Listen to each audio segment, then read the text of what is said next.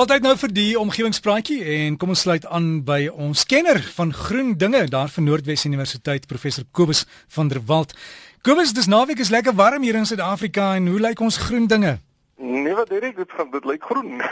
dit is lekker gereën oor groot dele van die land.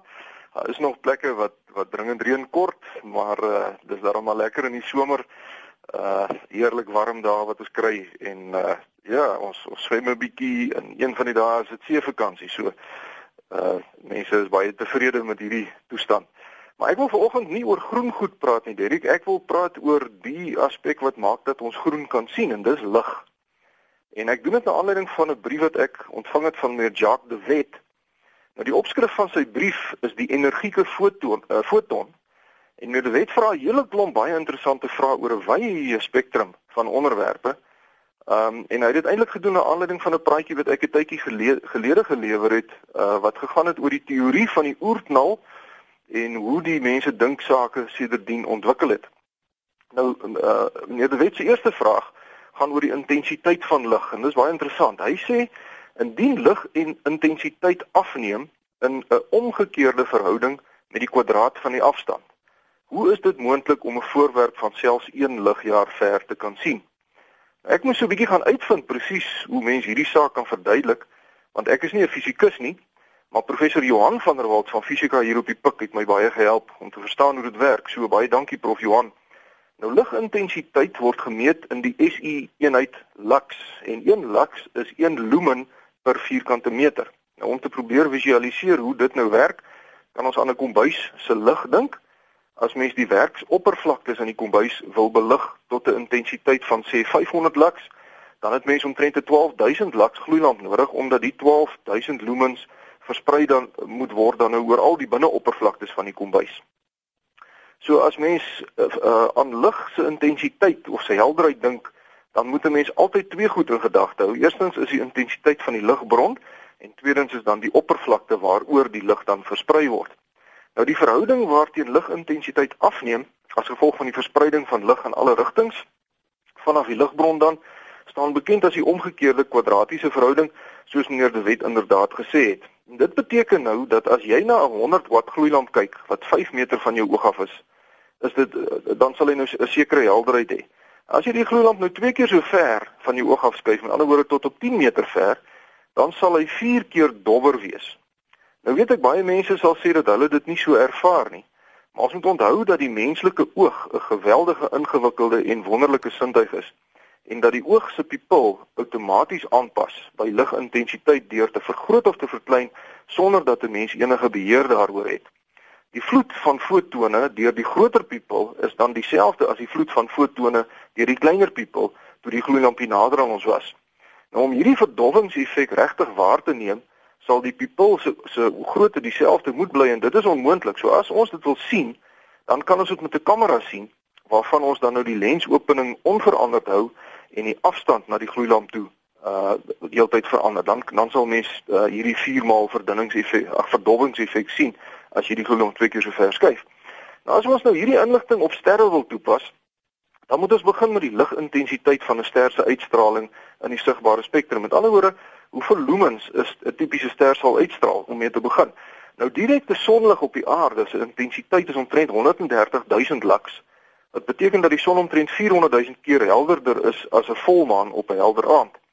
Nou omdat die aarde reeds omtrent 150 000 km van die son af is, beteken dit dat die ligintensiteit wat ons bedag sien reeds orde groter dowwer is as wat die son regtig uitstraal.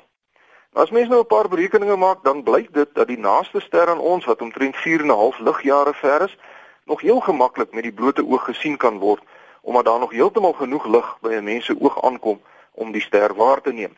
Maar hierdie berekeninge is nie eenvoudig nie, want alle mense se oë is nie ewe sensitief nie en al die sterre is nie ewe groot nie.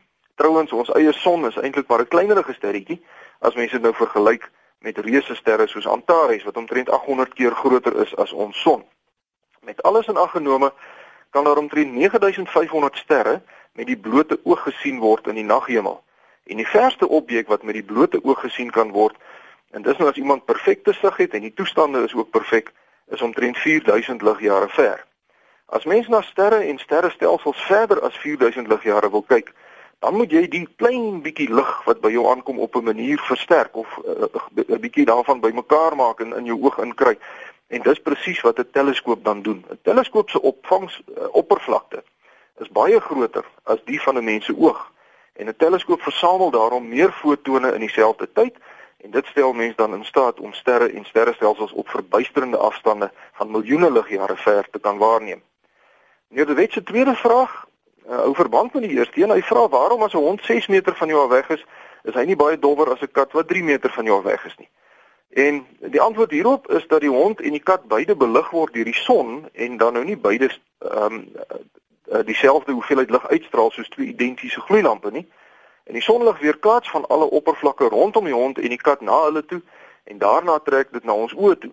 En daarom sal dit vir 'n waarnemer lyk asof hy verder voor uh, nie vir die waarnemer lyk asof hy verder voorwerp dan nou donkerder is nie.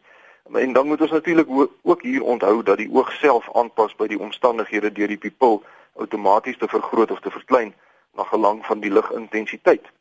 Dan vra meneer De Wet 'n derde vraag En dit gaan in feite oor die aard van lig.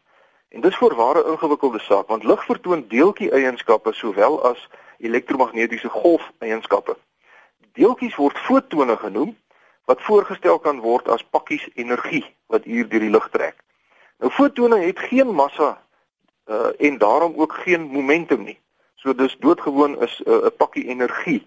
Het nie massa of momentum nie. En die voortplanting deur die ruimte kan slegs verklaar word as mens lig ook beskou as 'n elektromagnetiese golf. Nou 'n elektromagnetiese golf is self 'n ingewikkelde storie want dit bestaan uit wisselende elektriese en magnetiese velde wat voortgeplant word en hy het geen medium nodig om voortgeplant te word nie. 'n Wisselende elektriese veld veroorsaak 'n wisselende magneetveld wat op sy beurt weer 'n wisselende elektriese veld veroorsaak en so gaan dit aan. En die wonderlike is dat hierdie velde deur absolute vakuum voortgeplant kan word en dit trek teen 300 000 km per sekonde. En die golflengte, die frekwensie en die amplitude van so 'n veld verander nie behalwe indien dit in 'n ander medium inbeweeg nie. Nou meneer De Wet se aanvoeling dat fotone substansie moet hê, met ander woorde dat 'n foton massa moet besit en as sodanig onderhewig moet wees aan wrywing, is nie korrek nie. En dit is verder ook nie nodig dat lig wat ons nou bereik vanaf 'n ver ster 'n skoon siglyn van daai ster af tot by my oog hoef te gehad het nie. Alhoewel die rigting van die siglyn in die Melkweg natuurlik 'n belangrike rol speel. Dit wat ons nou as die Melkweg ken is eintlik ons sterrestelsel wat ons van die kant af sien. Want ons sterrestelsel is so 'n platterige spiraal. So ons kan byvoorbeeld nie die middelpunt van ons Melkweg met die blote oog sien van die aarde af nie. Onder andere omdat daar baie absorberende materiaal wat eintlik maar net stof is in die pad van die uh, lig is wat dan nou van die Melkweg af by ons aankom. Sou mens egter van bo af op die vlak van die Melkweg kan afkyk en dis nou natuurlik figuurlik gesproke want in die ruimte is daar nie 'n bokant of 'n onderkant nie. Maar as mens dit nou kon doen, dan is daar aansienlik minder absorberende materiaal in die rigting van die siglyn. Nou die ruimte tussen sterre is so te sê leeg met op plekke so min as 10 atome per kubieke sentimeter. En dit kan selfs nog minder wees in die ruimte tussen sterrestelsels. Die lig kan dus omtrent ongehinderd deur die ruimte voortplant sonder om te verstrooi of om geabsorbeer te word. En sterre en eksterne sterrestelsels straal geweldige groot hoeveelhede fotone uit en daarom kan ons met groot teleskope se lang beligtingstye genoeg fotone versamel om 'n prentjie van die sterre of die sterrestelsels dan te kan vorm. En dan 'n baie interessante ding wat meneer De Wet vra. Hy vra of sy redenasie korrek is as hy sê daar word elke sekonde 'n kolom lig met 'n lengte van 300 000 km deur jou oog se retina geabsorbeer. En dan sê hy al is die massa van elke foton hoe klein, dis 'n baie groot hoeveel uh, groot hoeveelheid fotone en teen daardie spoed moet hulle gesamentlike momentum beduidend wees, maar ons voel niks nie. Nou meneer de Wet is korrek. Uh, as mens nou dink lig trek teen 300 000 km elke sekonde, met ander woorde as jy jou oë vir 'n sekonde oop maak dan het daar 'n straal lig van 300 000 km lank hier in jou oog ingekom. Uh, maar dan moet ons onthou dat fotone geen massa het nie en slegs energiepakkies is wat die inligting oor die bron waar die lig nou ontstaan het aan ons oë oordra. En dit is daarom logies dat ons niks sal voel nie. Dis net energie en die Here het vir alles voorwaar op 'n baie wonderlike wyse geskape. Direk daarmee sluit ek af vir oggend. Baie dankie aan meneer Jacques de Wet vir 'n hele klomp Baie interessante vraag. Hy het ook nog 'n hele klomp ander vrae gevra wat ek hoop om so oor 'n week of twee dalk ook aan aandag te gee. En dan ook aan professor Johan van der Walt van fisika hier op die pik vir sy kundigheid in hierdie verband. Ek het dit probeer verduidelik, as ek foute gemaak het, is dit my foute en nie Johan van der Walt se foute nie. As ons omgewingsvriende vir my wil skryf, is u baie welkom. My rekenaaradres is kobus.vanderwalt@nwu.ac.za of u kan my kry by die fakulteit Natuurwetenskappe, Noordwes Universiteit, Potchefstroom 2520. Vriendelike groete tot 'n volgende keer.